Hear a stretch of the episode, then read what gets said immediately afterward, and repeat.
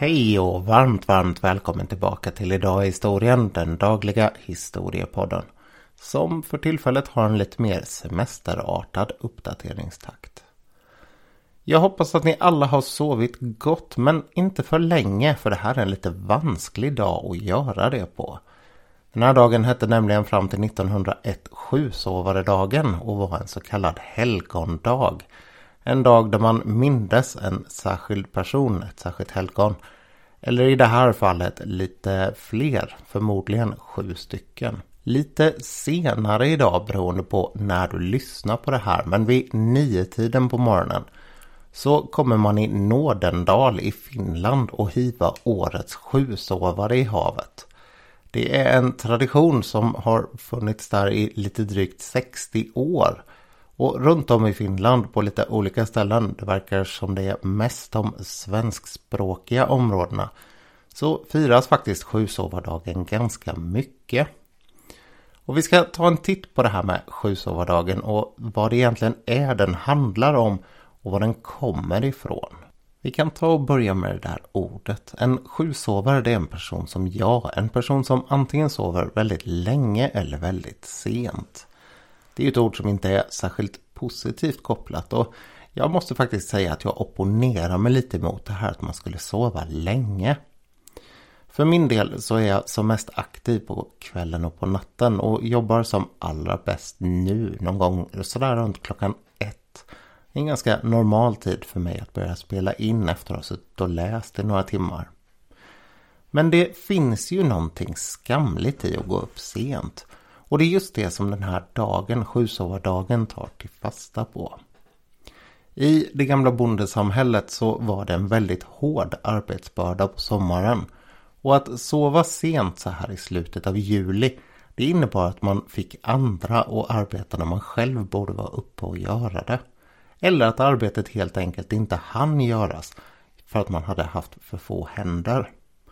Och det kunde man ju inte äventyra. Det skulle ju innebära att hela vintern riskerade att bli ganska knaper. Som sådan så har ordet använts sedan 1649 faktiskt. Den äldsta svenska dateringen i text man har av ordet. Det var domkapitlet i Växjö som kallade en prost som man inte verkar ha uppskattat helt och hållet för en eh, sjusovare och tidsspillare. Saker som i ett eh, protestantiskt samhälle är ganska hårda att bli kallade. Det finns ju väldigt fokus på nytta och på ordning och sådär. Men sjusovartanken, sjusovarlegenden, den går betydligt längre tillbaka än så. Men jag tänkte vi skulle stanna kvar i Sverige och Skandinavien ett kort tag till innan vi kommer dit. Det är nämligen så med de här helgondagarna att de är ju inte lika hårt reglerade som andra dagar i Bibeln. Det finns ingenting i Bibeln som skriver om de här sju sovarna till exempel. Och därför så har tolkningen av den här dagen varit olika på olika ställen. En tanke det har varit att man inte får sova efter klockan sju på morgonen. Då är man en sjusovare. Och det kan innebära att man antingen ska vara trött resten av året eller att man ska vara trött i sju månader. Eller att det är fritt fram för andra att utsätta en för spratt av olika sorter. Eller att man får den sämsta arbetsuppgiften under hela dagen, någonting som de andra vill slippa undan att göra. En annan tolkning av den här sjusovardagen den var kopplad till vädret. För om det regnar idag då kommer det att regna i antingen sju veckor eller i sju månader. Poängen här det var att det skulle bli en dålig skörd och ett nödår kanske stod för dörren. Det skulle på så sätt vara ett tecken från ja, någon form av styrande makt. Men det fanns en chans att klara sig undan det är nämligen så att imorgon den 28 juli så har Botvid namnsdag. Och Botvid hade kunnat ha med sig gott väder och på så vis bota sjusovardagen. En lite fin tanke. De här sjusovarna som dagen egentligen handlade om från början de var från Efesus och levde på 200-talet. Efesus är en stad som ligger i dagens Turkiet i den asiatiska delen i det som förut hette Anatolien. Och staden den finns inte kvar längre. Den finns i någon form av ruiner, möjligen med lite bebyggelse runt omkring. Det är fortfarande ett ganska viktigt eller hyfsat stort turistmål. Det ska jag återkomma till senare. Men den stora staden som ligger i närheten idag den heter Seljuk eller Seljuk. Jag vet inte riktigt hur det ska uttalas. På 200-talet så tillhörde det här romarriket.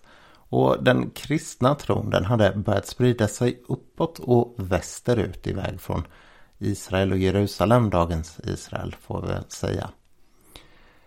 Efesus som ligger i västra Turkiet hade blivit nått men det var fortfarande ingen särskilt utbredd religion och den var inte accepterad av de romerska ledarna.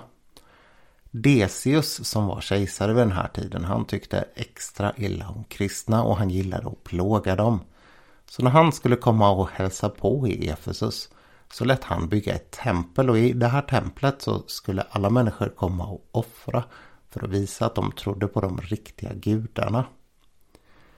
Det här var ju någonting som de kristna inte kunde göra och liknande saker har man i olika tider gjort med alla möjliga religioner för att försöka se ifall någon tillhör eller inte tillhör den religionen man vill tvinga dem att tillhöra. Ett exempel på det här är hur man serverade fläskkött till människor i Spanien på 1400-talet för att se om de var judar eller muslimer efter att man hade försökt slänga ut de här två grupperna ur landet. I det här fallet så var det sju stycken män som vägrade att delta i den här offerritualen i templet. Historien den spretar som sagt. Det finns lite olika tolkningar av hur många de var och vad de egentligen gjorde. Men rent generellt så verkar det hänga ihop ungefär så här. De vägrade delta. Därefter så tog de alla sina saker och gav bort till människor i staden för att hjälpa dem. Sen flydde de upp till en grotta i bergen och la sig där för att hålla sig undan när Decius hälsade på i stan. Man somnade men det innebar egentligen inget större problem för Gud han vakade över dem i deras sömn. Decius han blev rasande när han hörde att de här människorna hade försökt undkomma och han gav sig ut tillsammans med andra och försökte hitta dem. Och när han kom till grottan så såg han dem liggande där inne och sova. Och han tänkte att nu så ska de få betala. Han beordrade att man skulle mura igen hela grottan och att de skulle fastna där inne då bli instängda och dö av hunger och törst. Så skedde också för ingen säger ju emot en kejsare. Men det märkliga är att männen de dog inte, de låg kvar där inne i grottan och sov. Lite knappt 200 år senare, återigen beroende på var man läser om det här, så vaknar de upp och de har ingen som helst aning om hur länge de har sovit. En av varianterna på varför de vaknar är att kejsaren Theodosius ska bygga sig ett stall. Och då har man börjat riva lite kring den här grottan och den öppnar sig igen. En av männen han säger till de andra att jag kan gå ner till stan och köpa lite mat. Så kan ni passa på att vakna här i lugn och ro. När han kommer ner till Efesus så blir han ganska förvånad för överallt så finns det hus med kors på. Och folk de verkar gå ganska öppet och prata om Gud och Jesus. Det är nu han börjar misstänka att någonting har hänt och hänt det har det sannerligen gjort. Kristendomen det har blivit den dominerande religionen i romarriket och de har helt och hållet fått kejsaren på sin sida. Theodosius han uppskattade kristna väldigt mycket och han gav sig istället efter dem som han såg som hedningar. Den här mannen som går ner till stan, han ska gå in och köpa sig lite bröd och när han langar upp sina mynt där med Decius på, då tittar folk på honom och undrar vad är det här? Samtidigt så är det ingen i hela stan som känner igen honom. Och när han börjar förklara att jag har ju bara gått upp och sovit i den här grottan. Så säger folk, men herregud, det där var ju länge sedan. Det är ju, det är ju redan år 447. Eller ja, det sa de ju såklart inte. För vi hade ju ännu inte börjat räkna tiden från Kristi födelse. Det gjorde man ungefär 80 år senare en bit in på 500-talet. Men på vilket sätt som helst som han uttryckte tiden så måste det ha gått upp för den här mannen att han hade sovit i närmare 200 år. Han fick såklart bråttom att berätta för sina vänner vad det var som hade hänt och i Efesos så spreds den här historien väldigt fort.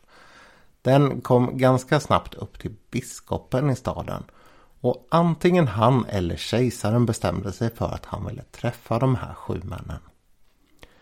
När de hade pratat med antingen biskopen eller kejsaren så föll de ner döda. Men man insåg snabbt att det var ett mirakel som hade skett. Och att det här var någonting som världen behövde veta. Den här historien om de sju sovarna, sju sovarna. Den spred sig väldigt fort över världen. Den spred sig dels söderut till de kristna i Afrika och dels österut till de kristna bort mot Iran.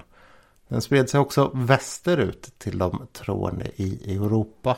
Och det är ju på den vägen som det har kommit till Sverige via Frankrike troligtvis. Och eftersom Finland då sedan länge var en del av Sverige så var det klart att historien spreds även där.